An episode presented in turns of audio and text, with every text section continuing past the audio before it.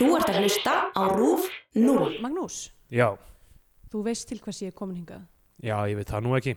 Las að vísu brefið? Þessi menn vilja kaupa jörðina. Ég hef ekki efna því að segja nei. Nei, ég skil það. Og þeir vilja kaupa núna. Annars fara þeir bara eitthvað annað. Núna er tækifærið. Það getur verið. Þetta er bara ekki svona einfalt. Nú, Við erum nú þrjú sískininn. vill unnur ekki selja. Hún má ekki heyra á þetta minnst. Í Bíotíu dagsins tökum við fyrir kvikmynd Þráin Stafilssonar frá 1985, Skamdegi.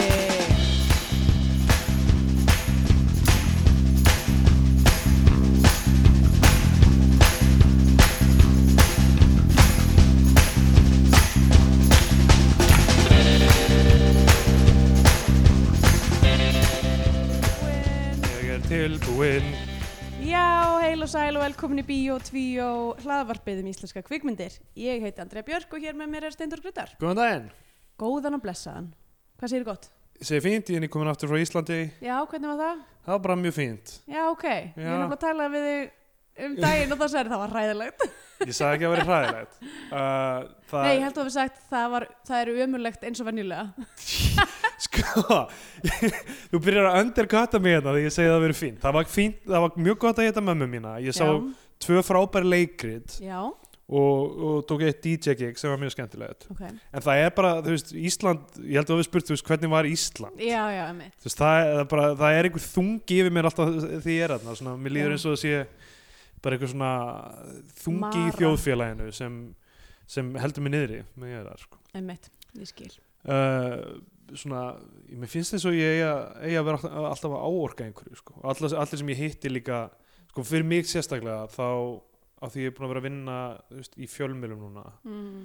og þegar maður er með eitthvað svona high profile mál og Já. allir sem maður hittir þekkir vilja tala um þau Já, þannig ég þarf að eiga sama samtalið aftur og aftur Já. og svo oft. Já.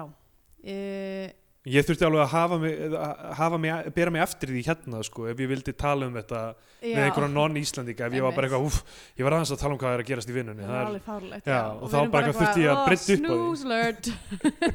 Ég held að fólki hafa nú alveg þótt að áhugavert upp á einhverju marki Mm. en, en það var hérna uh, já já, þú veist, mér fannst ég þurfa að tala um það þegar það var í gangi sko, Mm það var að processa það sko auðvitað, já, auðvitað. Það er bara mega mjög mikið sens. Einmitt. Já.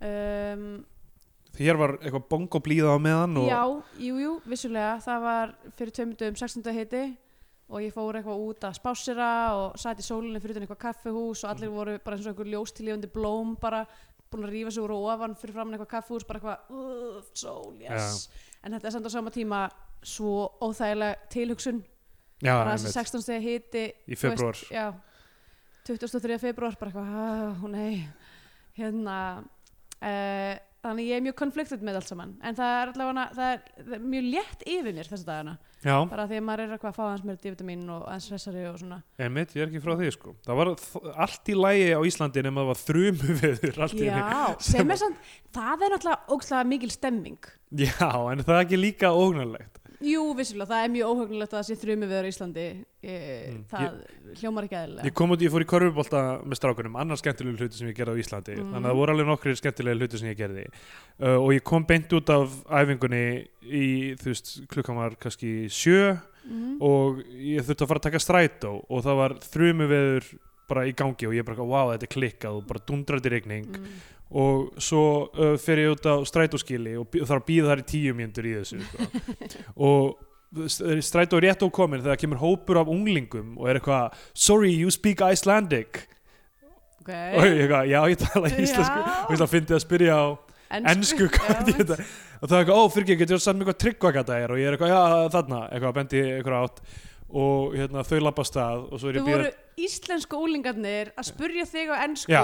til þess að gá hvort að þú vissir hvar tryggogata væri. Já, í staðan fyrir að bara, hei, talar íslensku og það er eitthvað, sorry, ok, ok, glemdi því en kannski er þetta betri leið, betri leið af en, því þú að, veist, en ef þú hef- hefði sagt bara eitthvað, no, I don't speak Icelandic, he- heldur þú að það hefði samt líka spurt bara eitthvað, well, Veist hvað Tryggvagata- well, do you know where uh, Tryggvagata is? gæti verið kannski var sniður að spyrja á ennsku af því að þarna gáttu þið bara fengið no eða yes í staðan fyrir, fyrir ekki, ég skil ekki hvort að segja skiptum tungumál, Já, ok, kannski var þetta bara flott hjá þeim kannski. uh, ég bent, benti einhverja átt og uh, hérna og þau lappa af stað og svo er strætóin svona mínúti í hann, þá fatt ég, fuck ég örglega saman tryggvagötu og skúlagötu. Oh, ég ég verð að vara þau við og hljópa eftir þeim eitthvað Já, við? Eða eitthvað svona, ég vildi ekki bera ábyrð á því hvað ég fokkaði mikið upp. Ugh. Það er eitthvað, hei fyrir, hei fyrir, það, það er þessi átt, sorry, ég bara rugglaðist hana, það er þarna. Og það er lappið niður hverfiskutuna og svo hún breytist í ég tryggvagötu. ekki í svo landi. Og svo kom ég eitthvað hlaupandi þrjumum við ég hleyp, hoppa inn og ég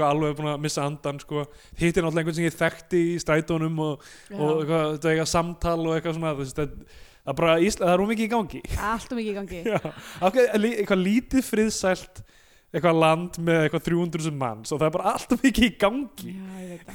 Allt og mikið í gangi. Þú veist, við erum bara vöndi að vera, þú veist, bara að fá að vera í friði hérna. Þú veist, það, maður rekst ekki á neitt sem maður þekkir og maður er bara, þú veist, maður er labbandi og einhvern veginn fær Já, bara já. að vera Einmitt. sem er mjög næs. Uh, ég lendi í mjög fyndnu atvikisamt uh, í gær. Ég var leiðinni hérna, uh, ég var leiðinni til vingunum minnar og var bara labbandi með herntólum mín og ég var að hlusta á hérna uh, overturið úr Phantom Thread Já, sem er svona, svona mjög fallegt eitthvað svona píanolag Johnny Greenwood. Já, og hérna, og sem ég var að hlusta á það í heyrntólunum, það var svona svona hrúa af einhverjum svona ruslapókum sem voru svona dansandi á götunni í svona ringi og ég bara, oh, þetta er svo fallegt eitthvað, American Beauty? Algjört verka búti dæmi sko. Uh, svona passa óslega vel við risið í læginu og ég svona tók svona moment og sólinn var að skína og ég var eitthvað, oh, lífið getur samt verið svo fallegt stundum. Og sem ég stend þarna á þessu götuhotni og er að hugsa þetta þá kemur einhver hundur og byrjar að sleikja á mér hendina bara sleikja bara puttana mína og ég bara, oh, oh my god, halló! Eitthvað, ert þú líka að njóta? Eitthvað var bara svona, vá, hvílíkur stormur tilfinningar sem er eigast að staðina og byrja eitthvað svona að segja hæfi hundinu og eitthvað. Og bara hvað, hvað getur fallit moment. Kemur bara einhver gæi sem er eigandi hundsins og byrjar bara að reyna við mig strax. Ah. Og er bara eitthvað nice ass og eitthvað svona. Nice ok, hann ass sagði ekki svona en fyrst eitthvað var hann að tala um á þýsku og ég var eitthvað að svara ekki á lélugu þýskunum minn og hann eitthvað, að maður verður alltaf að tala þýsku við erum í Þýskalandi, eitthvað, já, ok, hérna, bye. Þú já, best að byrja að lectura þig þegar hann er Já. að reyna við þig. En ég er sko nokkuð vissum að þessi gæi hafi þjálfað hundin sinn til að vera wingman. Oh shit. Það er því hann sendi þér hann hund hann bara allir sem að hundurinn minn fílar fíla ég líka, eitthvað svona var með eitthvað svona Já, line já, sko, meina, já, þetta er líka bara veist, leiðin til þess að byrja að tala við veist, með eitthvað eitthvað afsökun. intro og er hann bara er eitthvað, einhverjum- "Ka- urtan bítan. Já. urtan sleiktan Já, meet cute er hérna kommandið hans. Það Ah. er svona eil- alveg 160 eða- nei, 180 eða þetta, þetta moment bara allt í einu bara eitthvað ó, ok, Ó, það er allt í einu einhver maður að kalla eftir mér. Ja, Það hérna, uh, við vorum á, á Comedy Café Berlin í gær uh, hérna sína og uh, þar voru uh, ég ætla, já, ég ætla að mynda að nefna Daðafrey uh, hérna, Eurovision stjórnu af því að hann, hann sagði einmitt um, við vorum að spjallum daginn og hann sagði hérna, á Íslandi er all, alltaf allir að tala um hvað það er brjálað að gera þeim. Já, það er einmitt. nöðsynlegt að taka það fram. Ég ætla Einmitt. að það er brjálað að gera ég bara hef engan tíma fyrir þetta. hann ég verð að fara. Það klikkar þegar veist, einhver segir eitthvað það er voða lítið að gera þá er allir bara eitthvað, ég þarf að fara á ágjur sko. uh, en allavega, hann var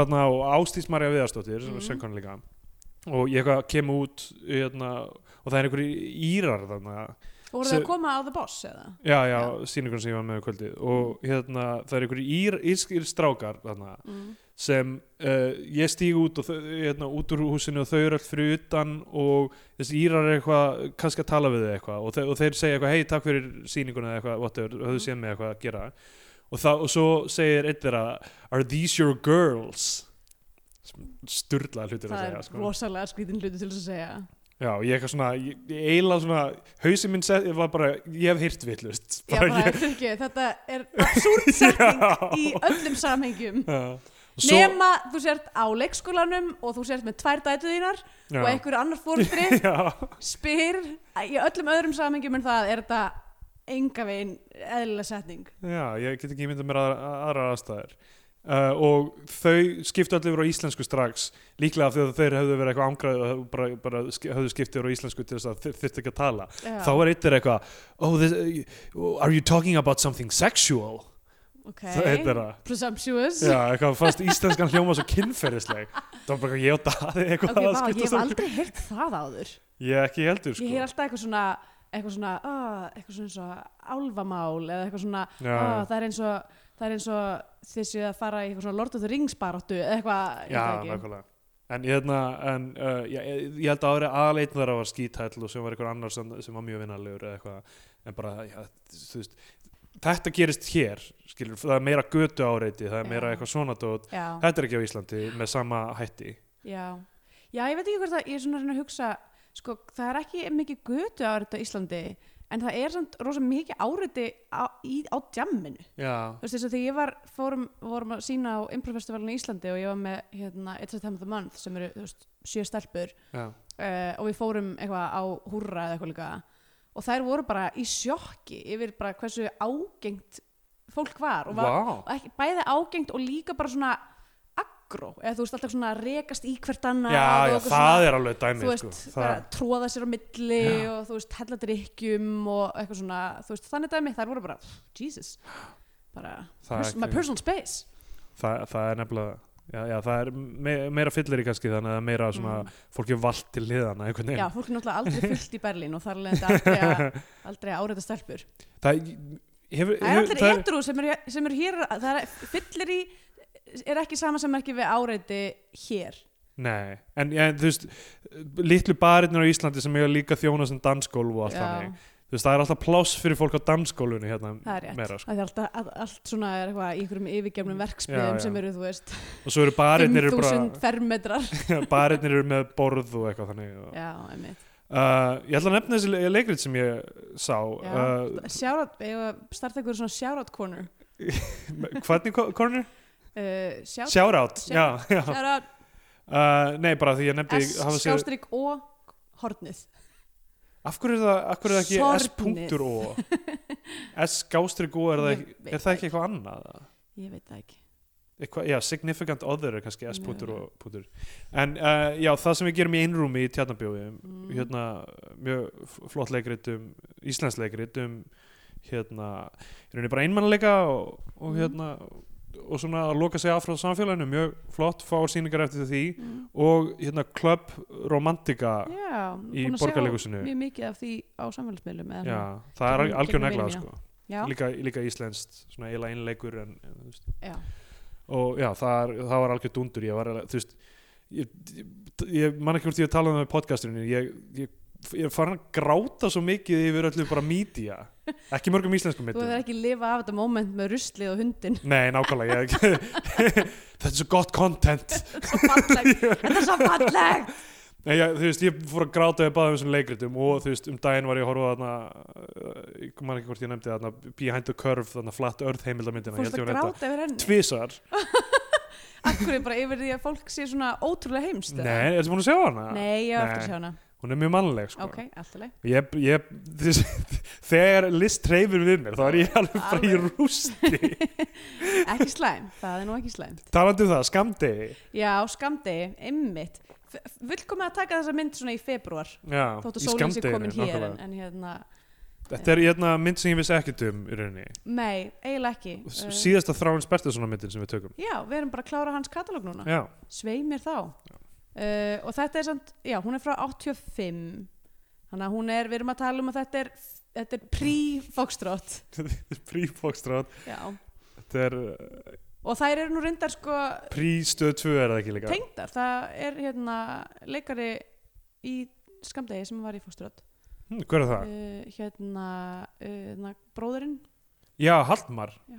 já, ok Jú um, En já, hvað hva getur maður sagt um skamdegi?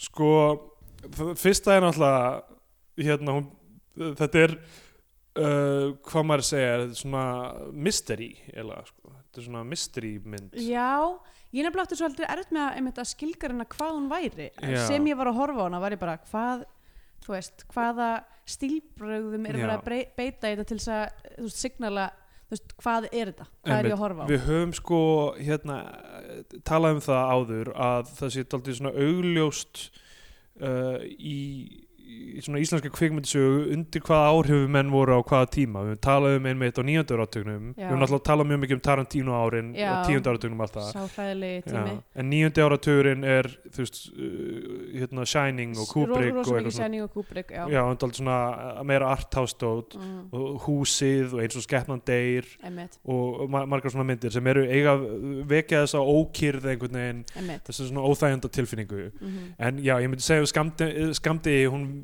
hún er að reyna margar svona hluti en veit ekki alveg hvað hún er að hvað hún á að fókusa á sko. hún er með ómargar hugmyndir í rauninni til að meika eitthvað senn sem heild. Já. En hún, það sem er styrlaðast náttúrulega við hana er hvernig hún byrjar. Og hvernig hún endar. Já, það er náttúrulega, það er náttúrulega alveg að bila Þetta, hún er svona búkenduð af einhverjum svona fáránlegum momentum. Sko hún náttúrulega byrjar á því að, og þetta er annað sem nokkrar íslenska myndir hafa gert er að bara taka eitthvað svona frækt úr kvikmyndsögunni og bara gera það þú veist, Já. í byrjun á skamdegi er, sjáum við bara fiska í eitthvað svona fiskabúri basically, mm. og svo sjáum við að bara lík. Það er bara döður maður Já, fljótandi með. flýtur bara, í, flýtur bara face með, down. með fiskunum. Já, hann sefur með fiskunum. Já, og í, í svona sem virkar eins og sundlauga þú veist, þetta er svona eitthvað svona fiskeldis tankur einhver Mm. og þetta er bara basically byrjunin á Sunset Boulevard já, og þetta er bara nákvæmlega framing, framing device sem er í þeirri mynd. Það sem við sjáum fyrst og það er þetta voice over þar sem er bara eitthvað bara ég, ég er döður eða eitthvað þú veist, ég held aldrei að þetta myndi enda svona eða eitthvað, hvernig það er í Sunset Boulevard sem er, sem er ógeðslega flott þú veist, ógeðslega flott gert í þeirri mynd. Og síðan fyrir við bara aftur á byrjunarreit sjáum þennan mann meðan hann var á lífi og alla atbyrjuna sem eh, Leiða leiða að- að, já, þessu sko. og það er í rauninni ferðalagi sem skiptir meira en, en máli en resultið í, í, svona, já, í söguþræðinum sko og það er rosa góð mynd sem ég mælu sterklega með um, en hérna þarna sjáum við þennan mann sem er leikinn á Thomas Soega fljótandi mm. og uh, það er einhver svo hópur fólks þarna sem er að bregðast við, Já, fyrst er sko, við sjáum þetta skot og svo Já. er panað upp eða, tra, eða svona myndavélinn hækkar um, það er tilt Hva, hvernig, Já, þetta er ekki tilt heldur uh, í rauninu trakk upp á við en ég veit ekki alveg hvað það heitir uh, þar sem að þú ert ekki bara að beina Já. myndavélinn upp heldur þetta færa hann upp Einmitt, upp úr vatninu og þar sjáum við hérna Eggert Þorleifsson já. Þorleifsson þar sem hann situr og er eitthvað búin að alveg er að panika og svo byrjar bara eitthvað fólk að flæða inn sem við vitum ekki, við vitum ekki hvað neitt er sko. nema þú veist það er implied náttúrulega að hann hafi drepið hann. Einmitt. Og svo kemur bara eitthvað fólk inn uh, sem byrjar bara eitthvað strax að hilma yfir með honum einmitt. og reyna að finna út úr þessu eitthvað. Og svo er bara köttað. Já, það, og þetta er mjög svona dis disorienting allt saman einhvern veginn Mhm. sko. Uh, nú er ég obsessed með að fá að vita hvað það heitir. Það er er það, það er ekki talað um að trakka ég Horizontally. það, það sem er á það, það bara heitir það út af því að yfirleitt er myndavélinn á tracks. þú veist þannig að ef þú fer til hliðar eða áfram inn og út er henni bara fyrir eftir hvernig trakkið já. er byggt. Kannski er það pan, ég veit, pan ekki, up ég veit ég ekki hvað það heitir upp í, ég er búin að gleyma því. Uh, allavega, þá, hérna, þá er bara klift yfir í það, þetta er mjög svona jarring klipping, allt í einu er bara dauði maðurinn á lífið sem sagt, sko, já, og hann og er þá kemur bara einhver bombu exposition þessi, sena. það eru, það eru tvær sturlaðar exposition senur í byrjunni bara, ok, þessi að byrjar að maðurinn sem við sáum dauðan er lifandi. Er lifandi og og það er ljóst strax af hverju hann mun deyja. Þú Já. veist, maður er bara svona, ok, case closed. Já, einmitt. Og hann situr á móti einhverjum tveimur öldruðum mönnum í einhverju sem virðist vera eitthvað svona banki eða einhverju svona headquarters á einhverju fyrirtæki í Reykjavík. Já, og, og ég bara skrifaði upp þessa ræðu sko, af því að gamli maðurinn er bara hvað meinaru með því að þú sért ekki vissum að sýstirinn í Reykjarfyrði fáist til að selja jörðina Þér var ekki falið að skila neinu áliti um hvað þau vilja eða ekki vilja. Þér var falið að kaupa jörðina og þú skalt gáa því að þó að þarna sé einn mestur jarðhiti á vestfjörðum þá er ekki þar með sagt að þetta sé eini staðan á landinu sem kemur til greina fyrir svona stóra fiskeldistöð. Svo við skiljum ekki hvernig stendur á því að þú kemur hingað og fer fram á meiri tíma til að semja við þessi systkinni. Engum með tilliti til þess að ég hef heyrt að þau eigi ekki, ekki nema hálfa jörðina. Og þá er svona, svo er sagt, já, hinn helmingin á Andris Magnússon sem fórst í bílslisi ok, það er þetta mjög fyndið. Andris Magnússon, hann segir þetta allt saman. Andris Magnússon starfaði hjá Richter und Wassertal í München. Kvæntist 16. april 1981 fórst í bílslisi 30. november sama ár. Barnlaus, eftirlefandi konans Elsa Magnússon starfar hjá Weinberger Elektronische Fabrik í München þessi kona á nú halva jörðina í Reykjafyrði og af hverju, ok, sorry, en þarna ég strax var bara, byrju, mm, ha? Þau eru uh, fjögur sískinni Já. af hverju á einn bróðurinn helminginu jörðinni nákvæmlega, og þau þrjú skipta með sér hinum helmingnum? Þessi er aldrei svara Nei, og hérna, sérstaklega því að þessi eini bróðir er sko tvíbróbróð, hann er tvíbróbróðir ég er, nefnilega, Já. sko, ég er að báðum áttu með það hvort að hann eigi að vera, ég skrifaði mér setja niður á einum tímpúndi, er hún að reyna að negla tvíbura Nei, dána síns en mannsins en svo núna held ég að tvíburarnir sé raun að sko uh, Magnús og hérna þessu, þessu tvíekja tvíburar. Og, og hérna sem sagt hún uh, konan sem sagt. Já, Nei, ég er 99% vissum að hún hafi sagt eitthvað Andrés og Magnús voru tvíbróbræður Ah, eða eitthvað ok. þannig hafi sagt það einhvern ok, tímann. ok. Og svo er hún alltaf að horfa á ljósmynd af af öðrum þeirra sem er að nuppi ok. Þannig ég, ég held að sé bara, hún er alltaf að sjá mannin sinn í þessum einmitt. Ok, hún, þannig að hún var definitely að reyna að negla tvíbura dána mannsins síns 100% Sko, þetta er ógeðslega mikið fjölskyldu, þú veist, þetta er eins og þá, þáttur á bílastæðavörðunum hjá eiginlega sko. Það byrja, en hvað með Magnús? Ó, Andrés tvíbrabróður, hann lést í munn hérna og eitthvað, kona hans ekki hann, hún, hún erði 50% af jörðinni Já, þetta er bara ógeðslega heavy og við sjáum ekki neitt af þessu fólki. Nei, Við veitum ekki hvernig við erum að tala um eða neitt. Ég var mjög lengi að púslisöldu saman í gegnum myndina. Ok, guð, feina Þrátt fyrir allt þetta exposition. Ég er mjög fein að heyra það því um og alveg þreytt og svona. Og ég var bara var alveg að sopna þannig að ég stoppaði hana um miðbygg myndarinnar og kláraði myndina um morgunin og þá byrjaði svona hlutinir að meika mér sens að því ég var eitthvað, já ok, byrju, ég var bara verið að þreytt til þess að ná þessu. Já, já. en þetta var bara óslega rugglingslegt up top. Þrátt fyrir all, alla þessa ræðu Af því Já. að við erum ekki að sjá þetta fólk. Einmitt. Við erum bara með einhvern gamla mann sem hverfur úr myndinu og kemur aldrei aftur. þessi gam- gamli kattar aldrei aftur. Það er bara þessi, bara eitthvað autoritet einhvers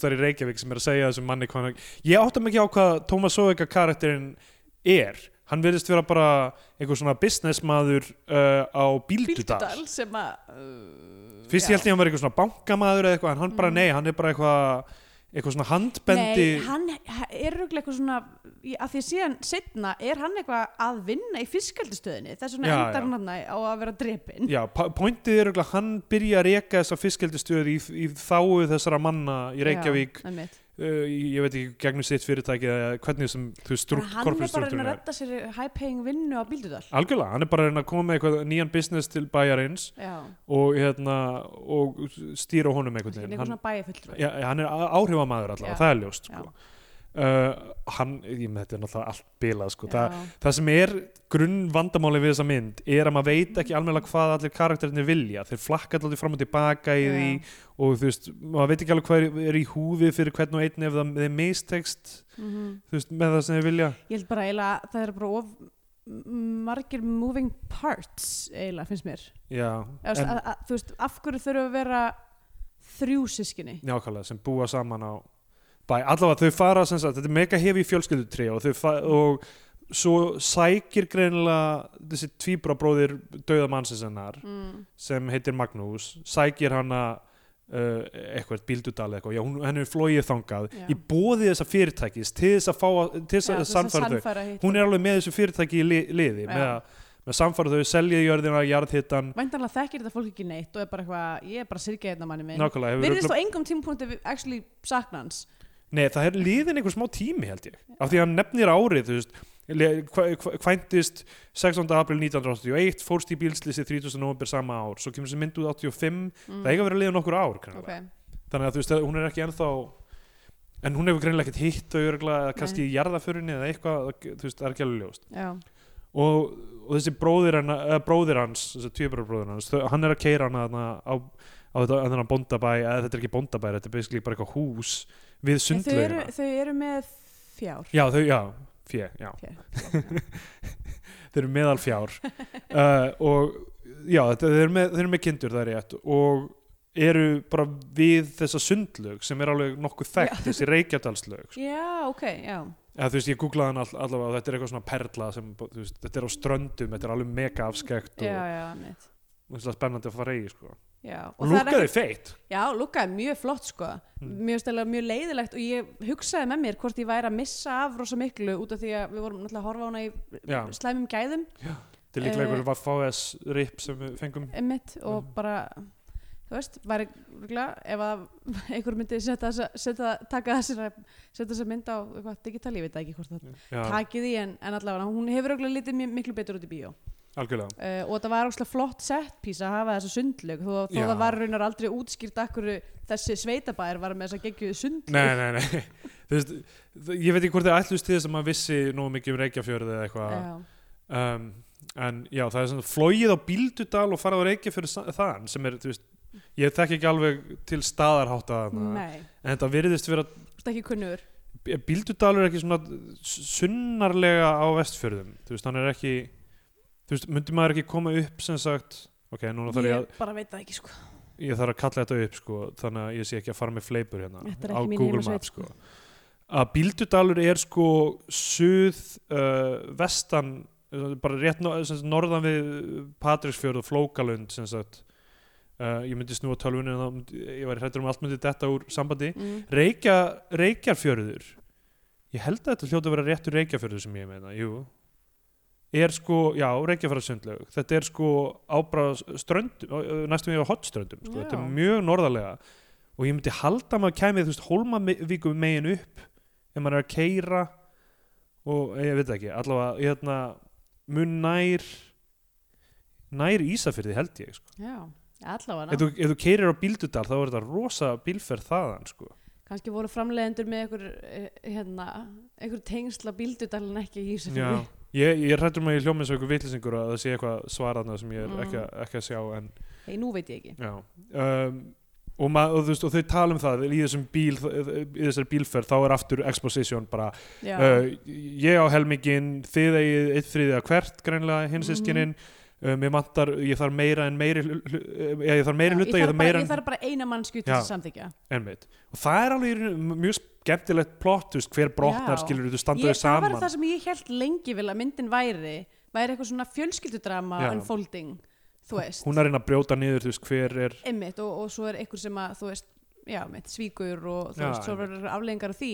Ætla núna, þú veist, og, og það kemur fram í þessu samtali og þessi unnur, er það ekki systir, uh, systirinn hún Já. vill alls ekki selja já, hún má ekki heyra þetta minnst svo er það bróðurinn Einar sem er leggin að ekki til þorleifsinni já, sem er uh, va- það stóð til að svifta hann sjálfræði hann var á einhvers konar hæli Já. fyrir sunnan þetta er svona alveg svona, já, ég meina Þetta er á- svo- 85 þá kannski er ekki jafn mikil þekking og skilningur á, á málum um, á öllum málum sem Já. tengjast uh, hérna ég veit ekki hvað þau á að vera að honum andlegum, sko. sjúkdómum eða eitthvað whatever, það er, ekki, það er aldrei útskýrt hvað á að vera að honum. Hann er Nei. bara nú, eitthvað svona neurotic skrítin já, uh, hann er bara Og- weirdo hann er bara, já, hann er bara það er nefnilega það sem ég fór rosalítið töðan á mér. Eiginlega er það að a, mér finnst ekkert leikan eins og hann sé ykkur um skets. Já, já.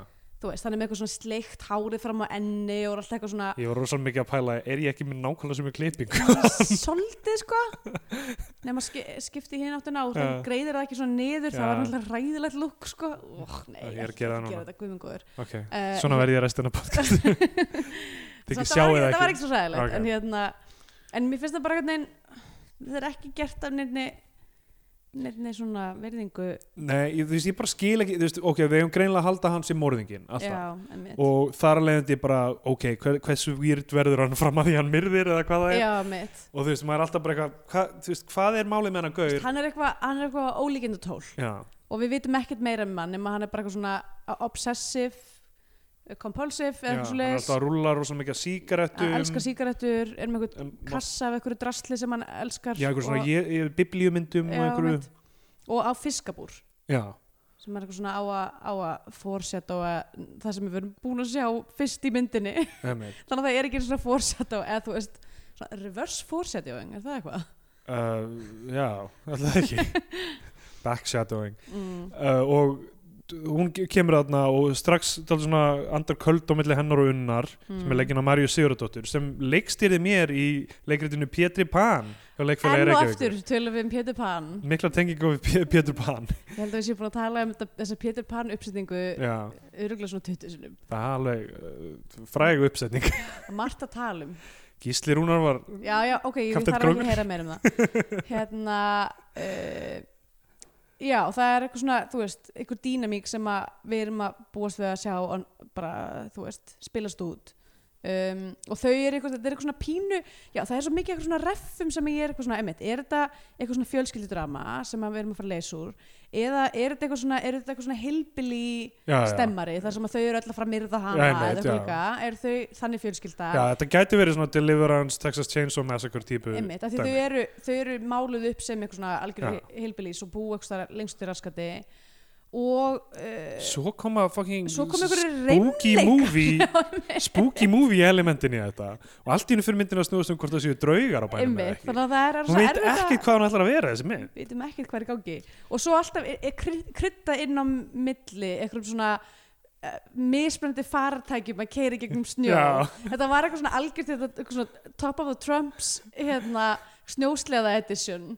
Uh, Top of the Trumps. Æ þarna spilin. Hvað er það? þú veist það sem maður uh, þetta er svona spilastokkar. Ok, það sem að maður er svona power ranking á ymsum hlutum. Ég spilaði mjög fyndi svona dæmi um, uh, fyrir ekkert svo löngu sem að var Top of the Trumps uh, Kraftwerkzeug uh, von Stuttgart Lufthafen. Ok. sem sagt uh, uh, sem sagt vinnu uh, sem sagt, tæki uh, á, á Stuttgart flugvelli uh, edition Já það sem að maður er svona þú veist það er eitthvað svona liftari er með þessa hérna whatever stata og þú veist rútan er með þessa stata og eitthvað svona uh, Þú veit að þetta ég, er Top Trumps. Já, já, já,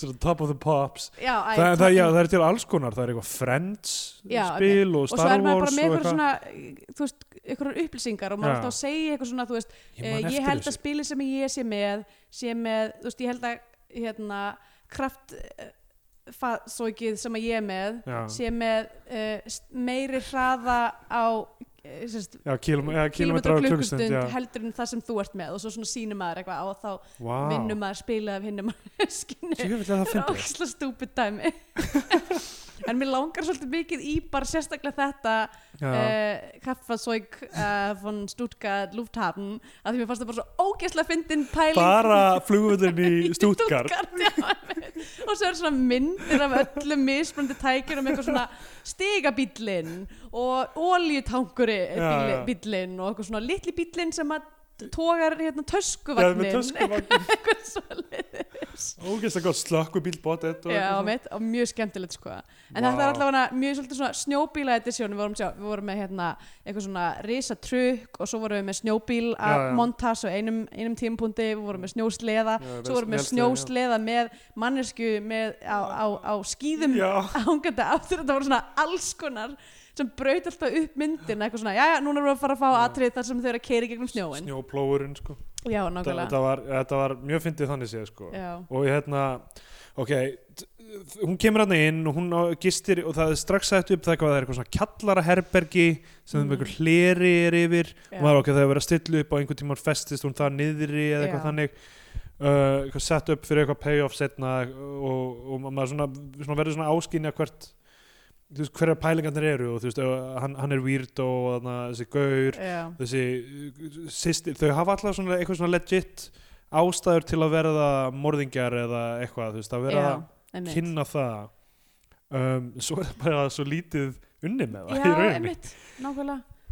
Og Já, því, ma því meitt, maður fær eitthvað svona establishing senu þar sem að, þar sem að hérna, uh, unnur sýstirinn er eitthvað svona að fara í gegnum dótið hjá já, já, þessari Elsu og er eitthvað svona að setja sér varalit og er eitthvað svona detta í nettan þefar á, na, á náttkjólnum hennar og er eitthvað svona að maður er eitthvað að byrja hvaða, hvaða, hvað er þetta? Nákvæmlega. Uh, og það er og svo gert við er það. ekkert list úr því. Já, og ég held ég var bara svona, auðvitað er verið að setja upp eitthvað svona rævalri í milli kvennana, eitthvað þessi sem er bara svona bónda, bóndakona og fær ekki vera eitthvað, að því að hún er alveg, hinn er alveg babes, sko, einmitt. Alltaf ykkur um síþrú náttkjólum Já, og, bara það fyrsta sem hún gerir þegar hún kemur á neginn er að bara fara úr fötunum Já. og bara sína sér dem dim sko. titties og við fáum sannlega að sjá Við titties. fáum að sjá nóg af þeim já. og í slow motion líka. Það bara, Já, atriðið er í slow motion. sérstaklega er að þetta atriði sett í slow eina motion. atriðið í slow motion allir myndinni er bara eitthvað hún að fara úr og ofan. Bara mjög skrítið. Og það á að vera svona, er einhver að horfa hann í gennum gluggan eða eitthvað Já, svona, það er, þú veist, eitthvað svona perra setup sem að, þú veist. Sem kemur aldrei í rauninni, verður aldrei það sem nei, einmitt.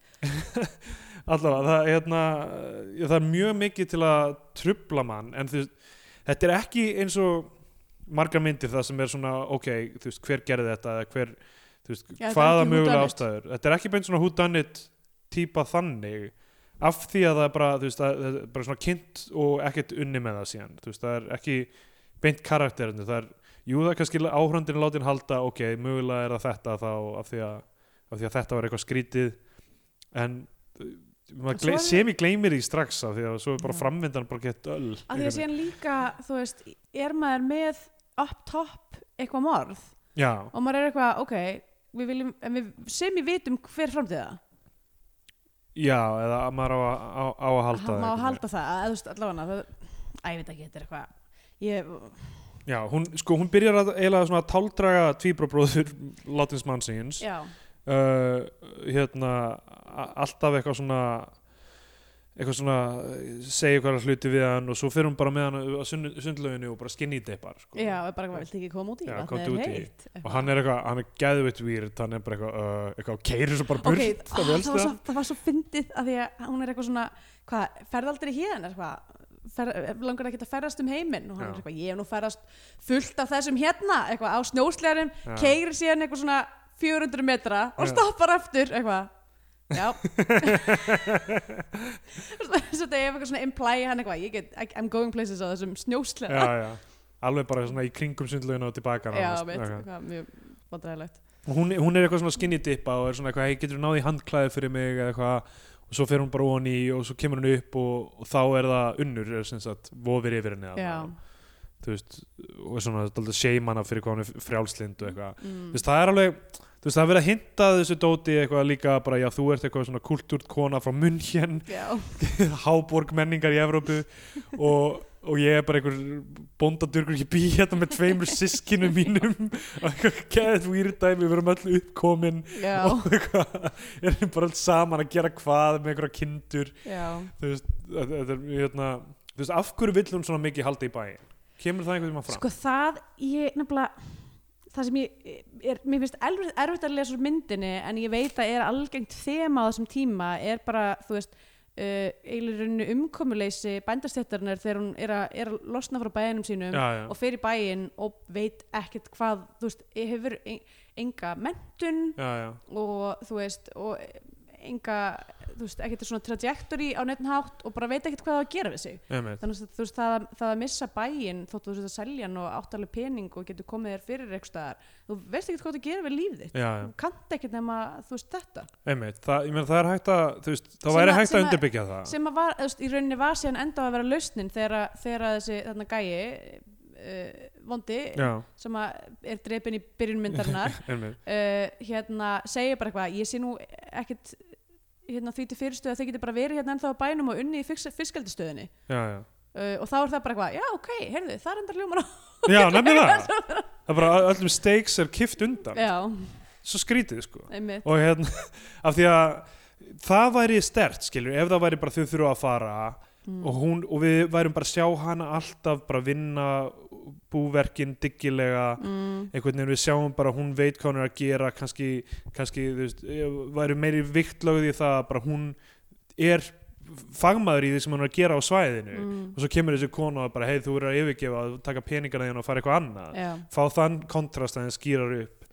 Að bara ekki alveg unnið með það. Nei. En þetta meikar sens, þú veist, auðvitað meikar það sens skilur, af hverju ætti þessi kona bara fyrir peningana að fara og, og skilja eftir lífið sitt eins og hún hefur byggt það upp? Einmitt. þau eru Þú samt voru að alveg hugsa líka um það, hlýtur að hafa verið erfitt á sínum tíma að vera, þú veist, bendur náttúrulega standi bara rosa miklu harki Mhm. og þú veist að það er eitthvað, kemur eitthvað liðinn með ógstlega mikið kapital og bara eitthvað uh, eins, og, eins og þú vitir ekki að það sé potensial í jörðunniðinni, já, en bara getur náttúrulega ekki realisað það því þú ert ekki með uh, í rauninni sambönd eða já, já, eða peninga já. eða hvað sem er til þess að þú veist að gera eitthvað í því ég get ímynda að það sé mjög sárt. Já, algjörlega. En þú, já en það er, þau er eins og sko, maður fær á tilfengunum eins og þau vilja ekkert gera neitt af þessu, Nei, þau vilja ekki bara- byrja með fiskildið eða neitt. Vil ég bara, og það er sagt, það er fullt af stuðum á landinu sem er hægt að gera það. Já, það er engin pressa, ég veit eina pressan kemur frá uh, ekkjunni sem eiginlega skiptir um skoðun í miðbygg vin- myndar já, líka einmitt, bakkar út með þetta allt saman hún kynnist fólkinu og er eitthvað Já. "Ah, hún er eitthvað, hæ, hæ, látið þau vera þau vilja bara vera hérna ok, það var náttúrulega líka styrlu sena ok, það, við þurfum að fara já. gegnum það sem að gerast ok, ok, Eggert Þorleifsson hún læsist inni þarna eitthvað í Mm. smástund heldur kannski Eggert hafi læst sig inni en það er ekki þannig mm. hann sýnir henni biblíumyndirnar og er eitthvað úsla, mikið grei og eitthvað Mm. svo læsist tvíburinn úti og eitthvað, það er alls konar hlutir að gera sem, sem eru bara, að, þarna er svona eitthvað aðeins þetta var þarna sem ég sopnaði sko. Já, að því ég var ekki, ég vissi ekki alveg hvað var að gerast. Og svo pikkaði þetta eiginlega strax upp þegar þú veist, þau fara þarna eftir að þetta er búið að vera að gerast þá eitthvað, hérna, fara þau að Bíldudal. Já. Uh, hún... það finnst einu sinni stoppar uh, meðan þetta er allt í gangi og þú veist það er greinlega einhver svona daður milli tvíbrans og, og hérna ekkjunar mm, og þá kemur unnur byrtist allt í nú og er eitthvað hvað voru þið að krunka já, það er svolítið gott sko. Nei, já, þau fara á Bíldudal af einhverjum ástæðum, ég man ekki, það var eitthvað svona e e einhver ástæð til að fara í bæinn mm. og fara bara á vélsliðanum, eða ekki? jú, að því því að trukkurinn er fastur í ykkur um skabli Já, nákvæmlega alveg slatti á svona veður skilirðum Já. sem að, þú veist, íta fram framvindu hérna. Uh, myndarinnar. Sem er búið að se- set- setja upp það að tala um snjóflóð, að tala um ófærð og eitthvað já, svona. einmitt, og svo, og svo er það aldrei veist, það er aldrei raunverulega mómentið það sem maður hugsaði eitthvað, nú er þið föst. Nei, nú er þetta ekki eins og sjónvastátturinn trapt það sem allir eru ófært ófært inn út úr bænum eða hvað það er. Uh, og hérna hún, hún, þegar þau koma á Bíldudal þá fer hún og talar við þennan mann já, þennan, þú veist business kallana. Sem er með skrifstofu þar. Sem er með eitthvað skrifstofu þar. Og það er svona smá eins og hún sé að gera það þú veist, á laun. Já, hún er ekki hún, já, hún en er, hún er búin að segja honum af hverju hún er þarna og af hverju hún er búin að segja tvíbarabróðun það er bara í fyrstu senunum þá er hún bara þú veist af hverju ég, ég er hérna eða ekki. Þú veist það er að ég ætla að reyna að fá ykkur til að selja og ég með langar að selja og eitthvað þannig.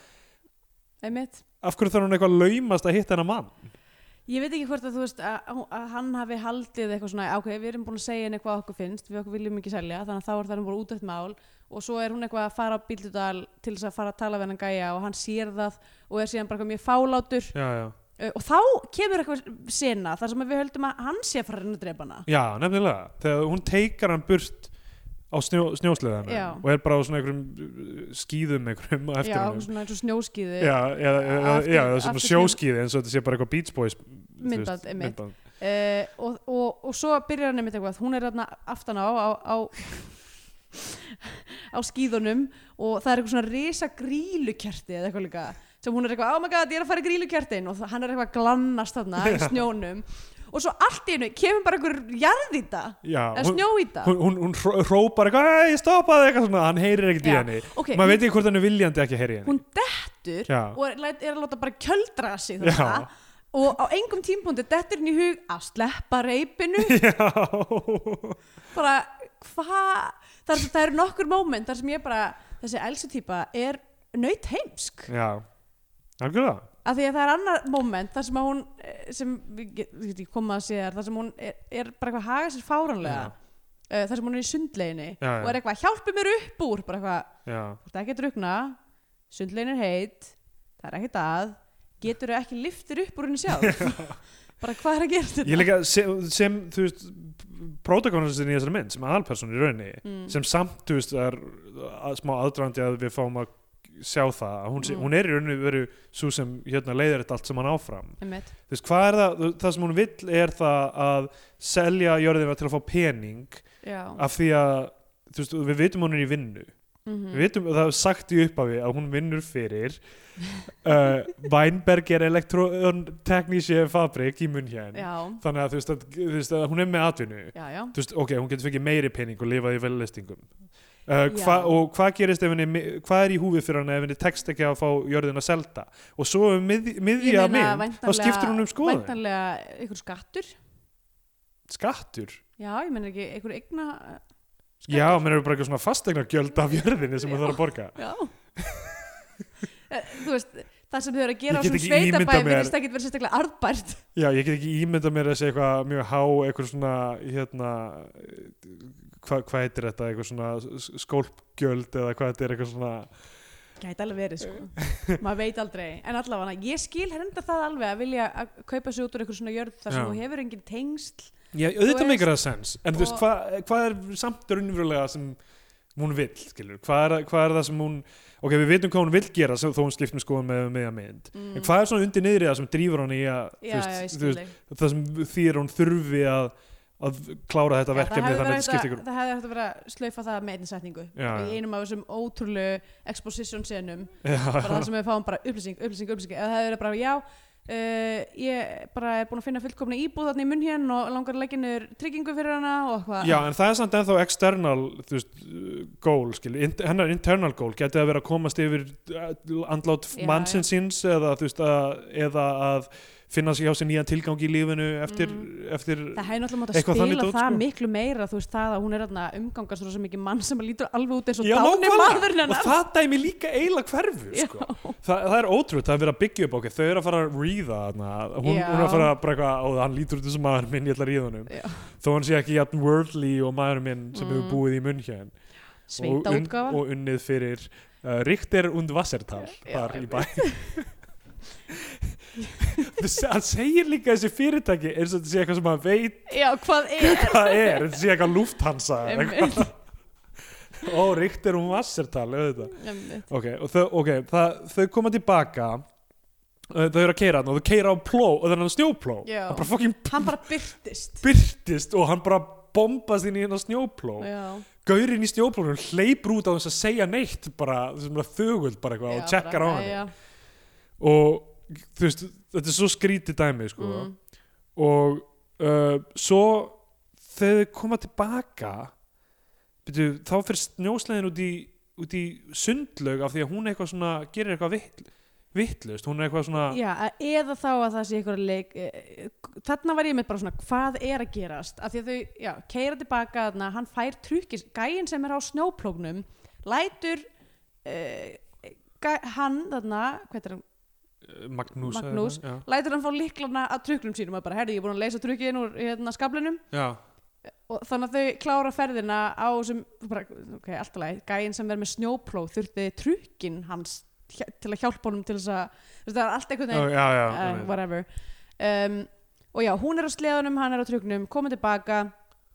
Uh, og þá er eitthvað í gangi. Já það, sko það er kviknað í nei, þá, þá er eggjart þetta er alveg fárlega sena eða Já. svona, það er allt í rugglinu svona Já, já, bara einmitt. kvik, kvikmyndagerða lega séð mjög sko þá, þá er eitthvað eggjart bara eitthvað svona labbandi á veginum og dettur Já. bara eitthvað út af veginum eitthvað hleypur eh, frá bílnum í rauninni og hérna og Elsa er á snjósleðanum og hérna, hvað sem vélsleðanum heitir þetta vist Já, er er, ég- er ég að hugsa um bara eitthvað svona niður að bara ártúnsbrekku svona, Já, ég held að snjósleði sé svona, veist, svona eh, stíka já dæmi. stíka á einmitt. Vélsleði afsakið, við erum múin að segja snjósleði allan en tíma. Það er rétt ef ég googlaði þá kemur bara það kemur að þetta er mynd af vélslega hérna en annars Mm. er þetta bara, já, Linkur og Ellingsen. Hérna uh, keirir upp arm á, á vélsleðanum og er eitthvað svona, hæ, ég er lagi með þig eitthvað lalala og er eitthvað að, sem sagt, að sinna honum og þá allt í henni fer snjósleðin nei, vél, vél, vélsleðin bara í gang og bara keirir út í sundlaugina. Það er kannski fyrsta sem að hugsa er eitthvað að hljóta, að vera alvöru draugar? þetta er aldrei útskýrt nei, aldrei útskýrt. Uh, hann er hýfður upp úr bara með þú veist, krananum krana. sem eitthvað rosa mikið af flottum hérna, uh, bílum með Já. alls konar mismunandi alls konar dút funksjónum, já. já, þau eru bara eitthvað svona með að dúta sér kranabíl og snjóplóg og og svo kviknar í einhvers já, staðar svo allt í hennu bara eiginlega á sama tíma Já. kviknar í og þau eru eitthvað svona öll búin að vera í þessari senu með, með hennan hérna, vélsleða uh, hlaupa að eldinum eitthvað, uh, að slökkva eldin já, og allt í hennu þegar þau eru að slökkva eldin þá byrjar allt í einhver önnur sena já, þar sem þau eru öll að leita að unni já. sem er inn í fjárhúsinu og það er búið að nöðgani já. Það er fucking bílað, einhver ræðst á hana einhvern veginn, já, þú veist, það er ekki vist hvort og það bara sé eitthvað rýfur af henni fötin Já. og bara eitthvað þetta er bara alveg ruglað sko já. Hva, hvað er þetta? og mann man líður eins og þetta sé bara alltaf gerast á tvekja klukktíma spani já, já, veist, sem er líka bonkers, af því að þú veist ef að það er einhverja fokk í þeim þú veist, hvar er þessi manneskja einmitt uh, af því þau eru öll inn í þessum skotum þar sem þau eru veist, að já, bregðast bregðast við við, já, það er augljóst að þau ekkert þeirra ekki þeirra er að gera Já. þetta þannig að þú veist, þá er allt það nema, þú veist, reyndar að unnur er e- ekki hún, hún er, sér ekki eldin er það mm, nei, gæti ekki verið að hún hafi, þú veist, kveikt í og síðan feikað að einhver hafi ráðist á þessi kannski, en Já. það er náttúrulega bara ekki þú veist, nema, nema þetta hafi allt átt að vera þarna vondi uh, businessmaðurinn af því að hann var búin að í, sem sagt, í samtalinu sem að hann og Elsa áttu þarna á, á hérna, Búðardal eða, Bíldudal. Já. um, þá var hún eitthvað, já, ég, meni, ég held bara að fara að reyna að samfæra þau. Og hann eitthvað, já, ég kannski reyni líka að gera eitthvað. Já, ég skil, og þá á hann alltaf bara að vera mættur og, að bara eitthvað terrorisera þorpið sko. já, mitt og eina Eh. sem er í húfið fyrir hann er einhver peningar í rauninni. Leiðir þetta með, já, með munin á Búðardal og Bíldudal, sko, að þegar þú kemur heim í Búðardal þá býður þinn brúðaval já, en þegar þú kemur heim í Bíldudal þá býður þinn síldarval. Mátt fá eins mikið að mismunni til þessum að síld veitu hvað, er það alveg lag? Nei Jólasíld og karrísíld er það ekki sann? Nei, ok hérna uh, en þú veist, en líka þetta er svo skrítið af því að þú veist, ámar að það er búið að rífa af henni fötin og það Já. er bara á að vera, þú veist væpið er bara svona, ok, það er að búa að að- að nöðgani Já, eða eitthvað svoleiðis allavega uh, og það er bara svo ókslega stórt stökk í, finnst mér, í einhverjum aðgerðum til þess að Já. hræ, hræða þau í burtu. Er rugglað sko. Það og líka þú veist, ég meina, hvað var hann með ok, höldum bara áfram með þetta. Þau fara með hana í, á sjúkrahús mm og hjúkan er bara, verðist vera eitthvað svona fúl yfir þau síðan standi, hún er með krosslaðar hendur og er bara eitthvað svona geðið eitthvað Mhm. uh, fyrir ekki, hjúgrunafræðingurinn já, en hérna er bara eitthvað mega köld yfir þessu sko, og þau skuldu mæta. Og þarna er ég að reyna að átta mig líka þú veist, það meikar senn sko ef, þú, þú veist, ef þetta á að hafa verið nauðgun eða hvað þetta er að því að sko þau eru eitthvað svona að ströggla með að þetta spyrjist ekki út það sem gerðist þarna. Já, og hann segir, held ég, verði ekki tvíbrabróðinu sem segir eitthvað, þú veist ekki hvernig er að búa í sveit það þarf minna en þetta til að orðrómur komist á kreik og það merkjaður orðrómur já ég, það sem að ég kannski var það ekki. Ég er Ég að giska á að það sem að átt er við er að hjúgrunafræðingurinn er svona uh, svona fúl og ströngur að þú veist. Það eru tveir menn á sem bæ og þeir eru báðir bræður hennar. Já, þannig að að það sé eitthvað svona sifjaspels nöðgunar moment Já, og, og, og það er greinilegt á því hvernig líka að tala setna að þú veist að þau búa mjög afskekt og er Já, eitthvað svona, já. þú veist að það er eitthvað svona að ég menna, hvað veit maður hvað er að gerast á þessum bæ sem er Nákvæmlega, lengst í já. raskati og akkur er búið þrjú uppkomin Já, sískir nákvæmlega. saman þarna og eitthvað og já, það, þetta er allt í einu orðin einhver faktor, skilur, Mm. að þú veist, þessi mynd veit ekki alveg um hvað hann á að vera aftur, Nei. skilur, þannig er, er þetta núna snýst þetta um að fólki í nærsveitum líki eitthvað kannski illa við þau Já, eða eða orðrómar Já, þau séu einhver svona uh, skrítna fólkið á svæðinu eitthvað, Mhm. þetta er, já ég skil alveg þetta element en það, þú veist, þú getur ekki tekið svona marga hluti fyrir og einhvern veginn og snert ekki almennilega á neinum þeirra um, og svo kemur svo ringir sem sagt uh, þetta er ógeðslega skrítið. Svo ringir, hvort hún ringir í hérna businessmannin Mm. hún er Els, Elsa, eða hvað, heitir hún? Jú, alls Ja. og hann segir henni í síman að blaðamenn séu komnir í málið. Já, og þú veist hvaða mál þá nákvæmlega? Að það kviknaði í að vélsliðin fór í sundlaugina Já. eða, eða að það hafi verið mögulega nöðgun eða, eða það sé reynd eða sé reynd það er svo margt í gangi. Og þau eru þarna að gista einhvers staðar þarna hjá þessu, þessu hvort þeir, þeir eru á bíldudal eða hvað er það sem uh, sjúkrahúsið er. Mm. tvíbrabróðurinn kemur inn til hennar og það er á greinlega að halda að sé að fara eitthvað romantíst að gerast. Já, uh, sem síðan eiginlega gerist ekki. Nei og eða það er svona þau eru bara eitthvað verða það því að unnur mætir og er eitthvað svona Já, að þau eru bara eitthvað að kúra saman eða eitthvað líka.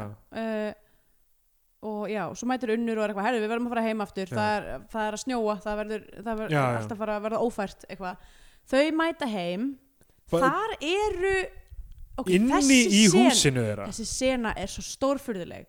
Af því að þau fá sem sagt hérna, þarna vonda uh, business, vonda businessmannin hann er einhvern veginn með þeim í ferð þarna. Já, hann er apparently maðurinn sem á snjóplógin uh, af því að hann er bara eitthvað, já, ég, ég skal gefa ykkur far þið verðið að vera á snjóplóg til þess að koma nei ekki snjóplóin heldur snjóbílin já, já, já, hann er á eitthvað svona, jepp, eitthvað svona, þú veist, svona jökuljeppa ok. okay. type bíl.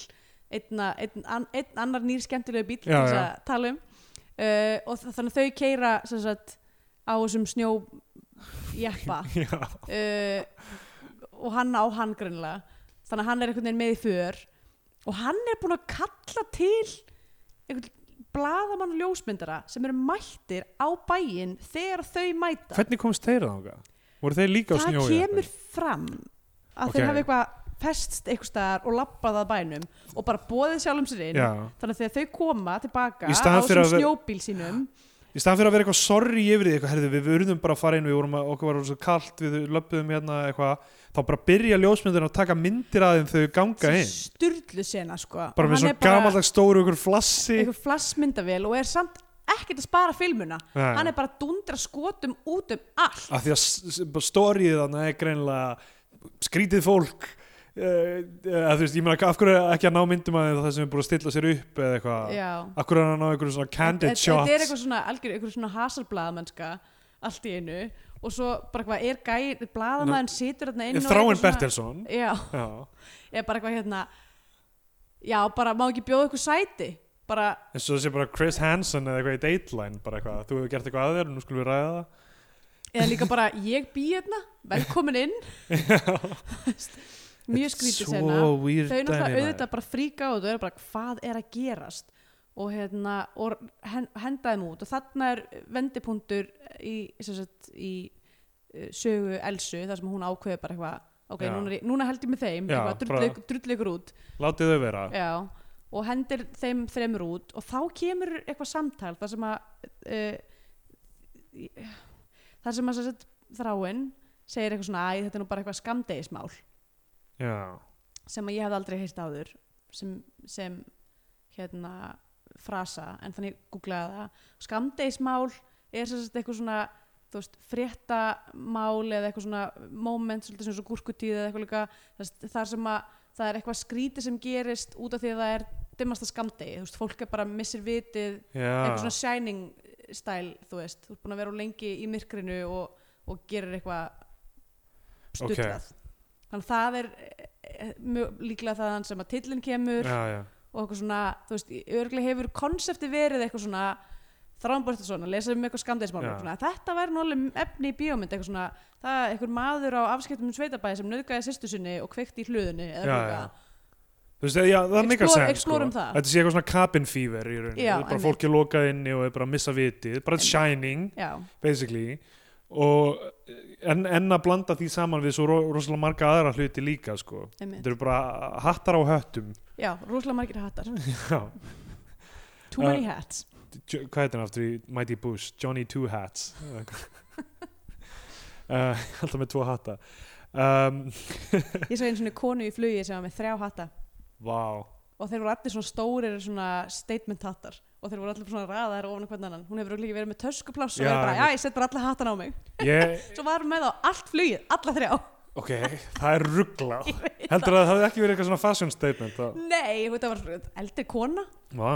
Og ég var bara, ég var, s- ég var bara svo stolt af henni að taka ekki af sér hattana og, og bara, og, og sko blikkaði ekki, fólk það voru náttúrulega allir voru bara, Já. hér er kona með þrjá hatta. Ekkert að koma með þetta bara, hún hélt sínu andliti allan tíman Hver tími er að borga, þú veist, töskugjöld fyrir all hattabóksin? Já, stókarlega, þessi hattabóksin alltaf styrlu, það er alltaf svo stór. Ógeðsla stór. Þú veist, ég, ég er með á eitthvað pípuhatt sem gott að ekki tilherði afa mínum með eitthvað. Og í Mm. svona risa hattabóksin miklu fyrirferða meiri en hattunum að það, sjálfur. er ekki svona hattur sem, pípuhattur sem að krympa þetta er niður og slá út. Já, Já, þannig pípuhatt, hann er mjög skemmtilegur. Já ok, cool. Hann, er hann svo slappur ég get eiginlega bara að leika eitthvað svona sótara með hann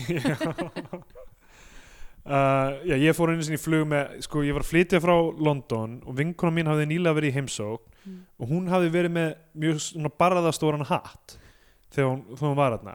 Og svo fann ég í íbúðinni barðastóran hatt og ég bara, já, þetta er hatturinn hennar. Já, ég er að flytja til Íslands, ég bara fer með hann og hún verður glöð, hún hefur örugglega haldið hann við glöðdráðunum niður, mm. ég kem með hann hatt aftur og ég fór með hann í flug og sett, sett hann á mig sko. þetta er svona risastór þetta er ekki einu sinni svona ekki einu sinni svona per svo, svo stóri barðar að þeir voru svona, voru svona klessast í andlit já, næsta manni sko, þetta var ekki einu sinni svona bara típisku pe- perrahattur eitthvað svona, veist, hérna Fedora, já, nei, ekki, nei, að fedora eða stærri eða, þú veist, þetta var ekki einu sinni svona perrahattur nei, ég veit ekki, eins og þessi íslenski kallar eru allir með, skilur þeir komast á meðan aldur og kaupa sér leðurfrakka og eitthvað svona stóran hatt já, og þeir þú veist, menn sem hafa unnið þú veist, sem blaðamenn eða eitthvað svona þannig típur sko. þú ert að nefna eitthvað sérstaklega ég er að þetta sérstaklega e eða þú veist, e- eða já, eitthvað svona þetta er svona weird look, sko, sem menn Já. er hérna eitthvað svona já, þetta er algjörlega gummi í byrginu Já. sko. Og svo þegar ég kom til landsins og bara mætti með hattin og bara, þetta er ekkert minn hattur.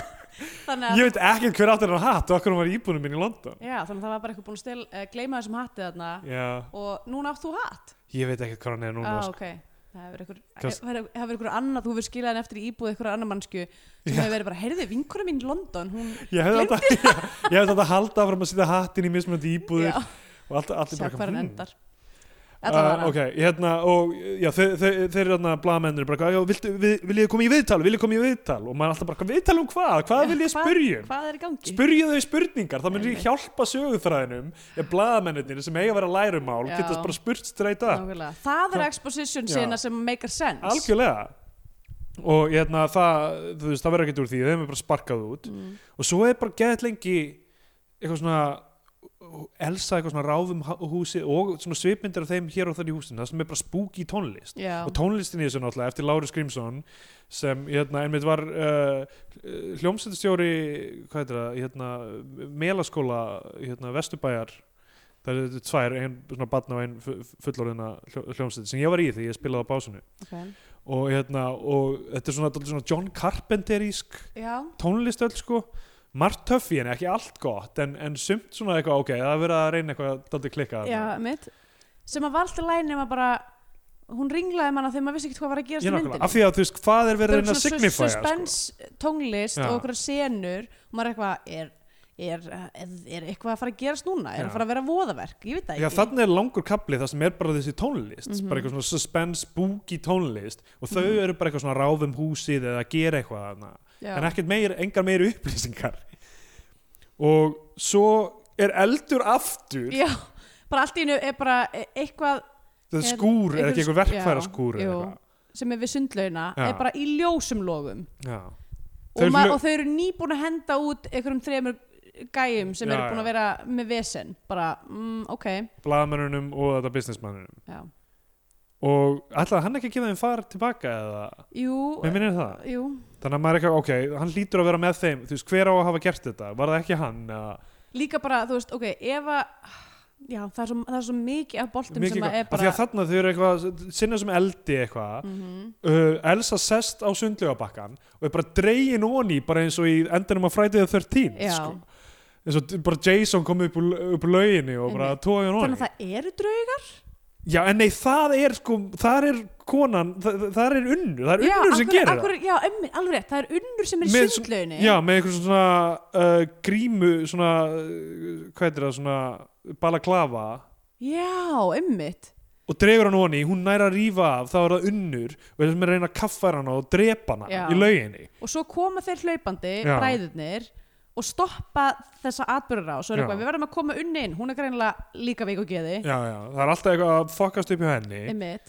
Og, en, en þá hverfur Elsa. Ok, þetta er svo skrítið dæmi að þú, þau eru, eru báður í lauginni me- strákarnir eru eitthvað svona við verðum að fara, verðum að fara inn með unni být þú hér bara eitthvað? Og hún er bara eitthvað hjálpiði mér! Þarna sem ég var bara hvað er að en það er gerast? nýbúið að drepa hana sko. ok, það er nýbúrin að drepa hana en þeir eru að halda morðinginum frá hennu er eitthvað, við verðum að koma morðinginum í burtu og hún er bara eitthvað nei, hjálpiði mér, ég kemst ekki bara svona laug sjálf. Já. bara eitthvað, þetta hefur verið eitthvað svona plot hole þarna, þegar verið af hverju kemur hún ekki með? Já. Og þeir eru eitthvað svona, hún er bara eitthvað hún, hún á eitthvað erfitt, hún bara þarf hjálp.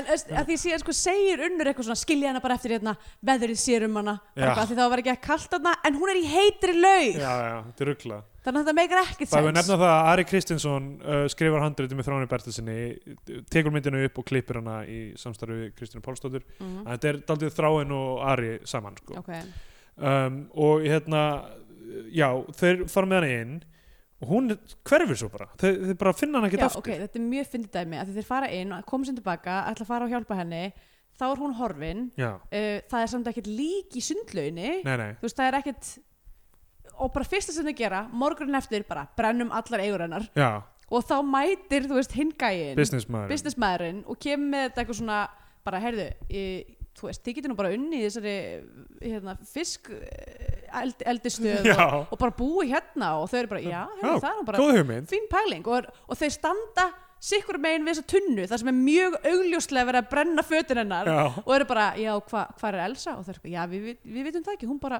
hún bara let mig skuttla sér yfir fjallið og hún er bara farin Já. ú, til útlanda aftur. Og hann er bara, hvað, nú já, já, ok allt í læg mjög skrítin sena rugglað sko. En þú veist, gerist þetta ekki samt gerist þetta strax eftir bara? Ok, þeir, þeir, eru, ok, þeir eru að ljúga því að tíminn hafi liðið þannig að hún sé nei, byrju, þau, segja að hún sé farin út eða eitthvað já, bara ég, Já. hún bara baði um að skuttla sér Já, ok, þess að þeir hafi skutlað henni yfir og hún sé bara flógin til útlanda nú þegar Já. bara, og þetta er, þú veist, daginn eftir eða, eða hvað það er. Ef nákvæmlega. þá tími hafa liðið þarna á milli þeir sé að brenna eigur hennar nokkrum dögum setna Nei, nefnilega ekki, af því hún segir sér í endan að Já, það, í ræðinu hennar í endan þá hérna já, ok, það, ok, þarna það gerist er þetta alveg styrlast sko. að því síðan bara fáum við eitthvað svona time eða, þá, þá köttum við bara aftur í senuna sem er í byrjunmyndarinnar eftir þetta samtal við vonda businessmannin og týparabróðurinn ég elska við sem er svona óksla fárlega nöfn yfir alla hérna, það sem að þeir eru bara já, heyrðu, allt í lagi, já, ok hérna, veist, þau, það er ekkert lík fundið þau eru bara búin að assúma að þau hafi drepið já, hana. þau, já, þau hal- halda kannski að hún hafi reynd að flýja þú veist, burt, Já. nakin basically, ekki, ekki nakin Já. en í blöytum fötum. Þau, þau eru ekkert að, ekkert að leita líkinu Nei, eða, þetta er, þetta er allt þetta, þetta er bara fucking heilibili vitleysingar Já, var það ekki pointið? og svo það sem gerist er að fiskeldistöðin en byrju fiskeldistöðin er hún er allt í hennu komin upp Já, það, er, það gerist eftir þessa senu þarna, þar sem þau eru að brenna fötin Já. þá er time jump þar er time jumpið, ok, Já. nú er ég að rugla það okay. er time jump uh, í, Það er það sem ég fattaði í, í rauninni en það er ekkert gert eila til að segja manni í það senuna, nei það er eiginlega en Já. nema bara það að þú veist við erum komin að inn í þessa fylskeldistöð sem Já. er eitthvað nýtt hús Já. sem er með þessu, þessum tanki sem við sáum í að þá erum við rauninni köttu við í það sem að var í byrjunmyndarinnar já. þá senu Það, uh, það er svo fucking ruglað sko. þar sem að það, hann er dauður í lauginni og Þa, og það sem er að gerast þarna er að hann, businessmanin byrja bara eitthvað að- nýðurlæja einar, sem sagt ekki. Þorleifsson. Sem er bara hvað að gefa fiskunum. Já, hann er bara eitthvað, bara eitthvað fucking rant á hann, bara hann sé fucking vitlýsingur og eitthvað, mm sem bara algjörlega, þú veist, af hverju, já, af hverju? Þetta, það eina sem þessi gaur hefur viljað allan tíman er að komast að þennan stað að stopna þetta fiskeldi þannig að hann geti grætt. já, Og hann hefur verið mjög svona bljúur bara í gegnum myndina, verið bankamæðurinn talar hann til og hann er eitthvað svona, ó, eitthvað, hann er, allan tíma bara eitthvað, þú veist, að reyna að koma þessi í kring og hann er ekkit, hann er ekkit eitthvað með stórar sviftingar í tilfinningum eða neitt. nei og allt hennu er hann bara eitthvað þú ert bara fucking umulegur skilur já, og- bara, viltu fara aftur á vitleysingahælið já, já, fara aftur á leiðis hann náttúrulega segir ekki fucking umulegur en ég er bara að segja Mm. þú veist bara og svo byrjar hann á hótunum. Já, ekkert, það er bara eitthvað, á ég bara að leifa þér aðeins að synda með fiskunum eitthvað, leifa þér að kíkja úti til þeirra. Og, og ætlar bara eitthvað að fara í hann og þá lemur ekkert þar með einhverju skóplu sem hann heldur á og hann dettur út í vatnið. Já, en hann lemur hann út af því að hann sér allt í hennu elsul lappa inn á the, bara the moment of uh, impact. Já, já. og er bara eitthvað, oh my god, draugur. Bleh, eitthvað. Og Hel- svo, þetta er svo skrítið! Heldur, heldur þá að hann haldi að en ætti hann ekki að ráðast á hann ef hann held að hún væri draugur eða eitthvað? Ég, ég en veit það ekki. getur verið, ok, það meikar sens á því að búið að vera að hinta þessi reymt og hann er kannski hrættur við það af því Já. að hann er eitthvað, eitthvað ekki jafn gáfaður og allir þessi hinnir Hin- snillingar í þessari mynd. allavega, það gerist, hann lemur hann og svo koma sískinin þarna já, já, og er eitthvað, hvað ertu búin að gera? Eitthvað, bla bla bla bla bla þá gengur Elsa inn já. og þá byrjar bara einhver ræða það sem er, er svo bara fucking rugglað sko. párán, þetta er bara virkar rosa mikið eins og þetta hafi ekki verið hugsað Nei. til endis og þarna þurfti bara, eitthvað, já, við verðum bara hún var bara að vera með eitthvað loka hún bara verið að svona- útskýra allt saman. Já, og, það, og það, hún, það sem hún hún semst náði einhvern veginn hvað, að bjarga sér? Hún segir bara eitthvað, herði, þið heldu þið hefði engan augljóslega dauður maður beint fyrir framann allavega, þið hefði engan drepið.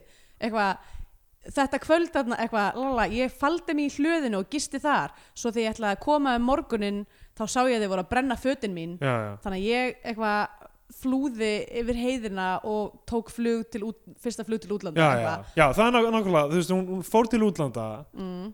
og svo kom hún aftur. Svo, svo, svo kom hún aftur eitthvað, var eitthvað sinni eitthvað erinda á Íslandi, segir hún í ræðinni og er eitthvað svona, og þá heyrði ég nú bara af því að þið voru búin að selja jörðina.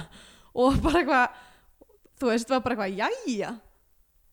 Og hvað, var hún búin að fá pening eða ekki? Þessi- Nei, greinilega ekki, því að hún ég sk- þetta er náttúrulega, þetta bara gengur ekki upp. Nei, nei, þetta gengur enga veginu upp. Og, það, og þú veist það sem hún þetta er svo skrítið, af því að tilfinningin sem að ég fekk var ok, núna er hún byrjuð að samsamla sig með þessu fólki. Já, af því hún sérna að hilma yfir. Já, hún segir bara, ég sá að þetta var slís ein- einar drap hann ekki það slís, þessi maður drak sig í eitthvað og druknaði með fiskurinn þannig að þetta var ekki morð. Já, þótt að við höfum séð það gerast og, og, og tilfinningin þá var ó, ok, núna hugsa hún bara ég er eina af þessu fólki það, ég menna við skulum ekki vera að rugga bátnum hérna neitt. Já, sem er samt sturla af því að þessi maður var í rauninni ekkert búin að gera nema að hjálpa henni að selja jörðina sem sem hún vildi allan tíma einmitt.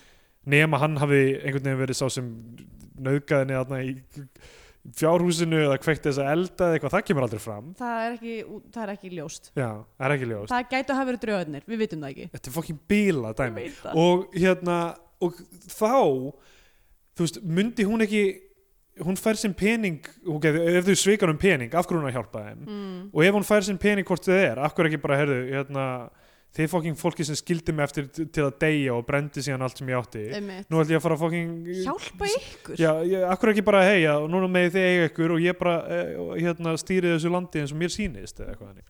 Þetta er alveg ab- Kemur, kemur þeim í Sko. fangel, fangelsi og reynir að Svo sölsa þessi völd bara eftir þessa ræðu þá var bara myndin búin. Bara kreddlisti, Já, þetta er rugglað sko, já. alveg rugglað Herri, ég gleyfði, ég, ég nótiraði eitt sem ég mig langaði að nefna sem Já. ég held að sé eitthvað svona uh, svona leikstjóra enginni hjá Þráður Beltsinni er að í stablisingsskoti fyrir kaupfélagið á, á hérna, Bíldudal já, að þá allt í einu hlaup ykkur tveir gæjar framhjá. Og eru bara eitthvað la la la la la og nú var ég að hugsa um það, mér finnst þess að þetta gerist mjög oft í stafleiksinskotum í myndunum hans að það er eitthvað svona, herru við fáum einhverja það þarf að vera erill, fáum einhverja tvo gæja til þess að hlaupa tvö börn til þess að fara eitthvað svona eitthvað svona smá aksjón, nema þetta er bara úslega skrítið það er bara svona tveir Já, gæja sem eru bara það mjög hlaup- tröflandi hlaupa fyrir hotn og maður er eitthvað, hvað er að gerast? Akkur er eru þeir að hlaupa eitthvað og það er þú veist eldur eða ég veit ekki eitthvað Allavega. er rugglað Já. ok, Skandinavíða Penitex. Herði, já, ég meina við erum að tala um opnum bara á mann, bara morði. Já. Og við erum að tala um og afskektan undirstöðu hérna, uh, landsbyðar uh, hérna, atvinnugrein sko. dag nákvæmlega, atvinnugreinar uh, og breytingi atvinnugreinum frá, frá sagt uh, frá landbúnaði í sjávarúteg einmitt, þetta er í afskiptum dal uh, það er svolítið um geðveiki og viður skilir spila já, já, stórt náttúran hlutverk. ægir þannig yfir alveg og svo er þetta náttúrulega bara fjölskyldudrama það er einn, einn er dáinn það er uh, mö- mögulega sifjaspell einhvers konar. Einmitt, það er allavega í að já, við erum að tala um það er reynd mögulega og það er mögulega nöðgun uh, við veitum ekki alveg hvað það er, það er definitely einhver paralæti að sér stað. Um, það Já, er, það- er ekki road stranger eða þú veist ekki beint road stranger en það er þú veist uh, ég, ég, þau eru föst einhvers staðar og svo kemur snjóplóðurinn já, einmitt, það er rétt ég, það er kannski ekki alveg klassíst þannig alls ekki nei, af því allir að hans- þekkir líka þekkjan já, eða þekkja hann já. þekkir hann, já, ok, þá er ekki ekkert þannig sko. nei, en já, þetta er náttúrulega blaðmennindir kannski. Ha, blaðmennindir kannski, já, ljósmyndir já, þessi tveir gæjar sem að hlupa fram í kaupfélaginu. Já. Fucking bíla sko.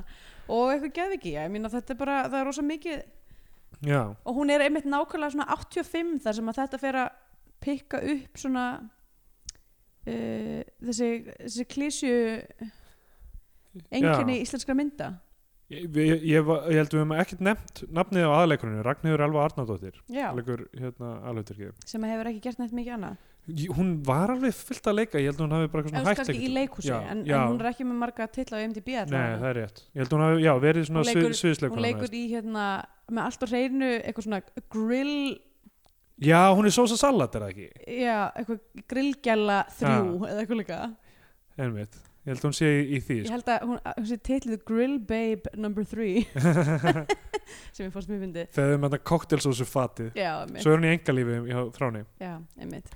Uh, En já, þannig að þú veist ég held ég gefi nú uh, gefi sér mynd nú alveg hvað segja, átján af 20 og einum uh, snjótengdum faratækjum já Uh, það er náttúrulega líka í þessu er hérna, þú veist, eitthvað svona borginarinn að sölsa undir sig. Já, einmitt, sveitina og Ég finnst þetta að vera algjör, algjör negla, ég segi bara 10 af 10 uh, biblíumyndum. Ok, Það komið tímapunktið þar sem gefur myndinu eða sess á flagskipi íslenska kvikmynda og fara um íslenska fánan eða mælum frekar með því að hlustundur horfum ykkur á bandarinska Hollywood-dellu og fara um bandarinska bjánan. Já. Byrja. uh, Sko, mér finnst það svolítið leiðilegt atrið, eða svona m- margir punktar í myndinni Já, sem að eru, þú veist hefði verið gaman að sjá e- eina af, af þessum þremur myndum nefnilega. spilast út, en Já. þetta voru bara það var ómikið að gerast. Já, Eða, þú veist, það voru þrýr mismunandi eiginlega svona áherslupunktar sem að gerðu bara allt, þetta var bara svona, þú veist þetta var eiginlega sko koktelsósa já, uh, þú veist við viljum bara fá e- eina sósu ekki, ekki tvær ok þessi myndlíking nei, ok, gengur ekki er alveg ekki alveg að virka nei, Er það ekki einmitt betra að blanda saman um mitt? finnst þið það? finnst þið majónes og tómasósa ekki bara fínt sitt Mér, finn- ég myndi, mér, finn- ok, á lagi. ég borðar þetta mjög mikið mæju og bara eitt og sér sko. mm, en ég myndi segja að cocktailsósa er uh, þú veist, greater, staple, já, já, þú veist, það er greater than the sum of its parts að allt í mörgu lagi, leyti, ok, sko. þá gengur þetta ekki upp en allavega, það var bara ómikið að gerast og, hérna, og svo líka, þú veist, eiginlega ok, nú er allir bara að segja jákvæða punktana þú veist, ég, s- af gæðunum sem ég var að horfa á, þá var erfitt að greina það en ég held að það hefði verið mjög góð cinematography í þessi uh, og mikið af bara svona set, flottum set pieces all, öll þessi, allir þessi bílar og öll þessi, faratæki það er mjög töft át og, og Eh, þessi sundlaug og, og þessi brunin. fjörður og, bókstælega kveiktu í ykkurum kofa. Já, já, uh, það var alveg, það var margt flott sko. Og hérna, og hún Ragnar er algjör beipsa, gaman Já. að horfa á hana sko. Nefnilega sko. Hún var alveg sætt og líka hérna gæinn, hérna hann þannig að Hallmar uh, tvíbura bróðurinn, einmitt. hann var líka mjög sættur það var sko af hverju að droppa því, því plotti alveg sko. ég veit það, ég hefði náttúrulega bara verið til í að sjá það eitthvað svona, hana vera eitthvað svona, þú veist uh, konfliktið yfir því að vera eitthvað að reyna að selja jörðun undan manni sem að er Lít- bara, já, já. lítur alveg út eins og dáni maðurinn sem dó í Já. bílslýsi langt um aldur fram og eitthvað svona. Já. og þú veist ha, þau eru eiga eitthvað moment saman þarna sem þau eru eitthvað þú veist uh, hérna, sína hvort það eru eitthvað hlýju. Einmitt, svo er hann bara að brenna fucking eigur hennar. Já, bara, einmitt. hvað gerðist þetta á milli? Bara uh, mega skrítið. Þetta- Þannig að, eh, uh, þau- hún gengur ekki- það er bara allt og mikið í gangi. Þetta er bara too much too many cooks in the kitchen. Já. þannig að hún fær ekki íslenska fána frá mér. Uh, og já. Ég uh, veit ekki alveg hvað ég á mæla með ef ég að segja hún svo er. Já. það ok, er bara að býja betri tíma. Ég get já, klárlega mælt með Sunset Boulevard sem, byrja, sem er með Mhm. sama framing device. En herru, ég ætla að byggja þig um eh, smá bakrættir nú ok. Að þú mátt bara syngja Bíó Tvíó þegar hérna þú, ve- þú veist, þú þekkir þetta lag bara þegar, þú veist, titillin á laginu er sungin sko. ok, allt í ég benda þig líka um leið sko, ok.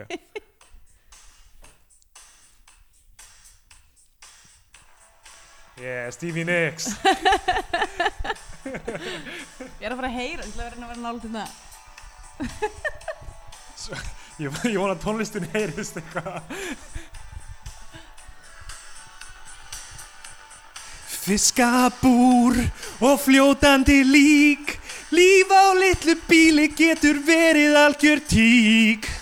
Þrjú systkinni deila einni jörð Er reymt út yfir reykjar fjörð Ekkan ein með arfinn sinn. Máurinn er eins og tvíbura bróðir sinn. Keirir beint á snjóplóg Sistirinn er morðóð. Skamdegi Bíó, tvíó. Ekkert Þorleifsson var inn á hælinu. Bíó, tvíó. Þáinn Bertelsson er frá. Aldrei aftur horfa á. Bertelsson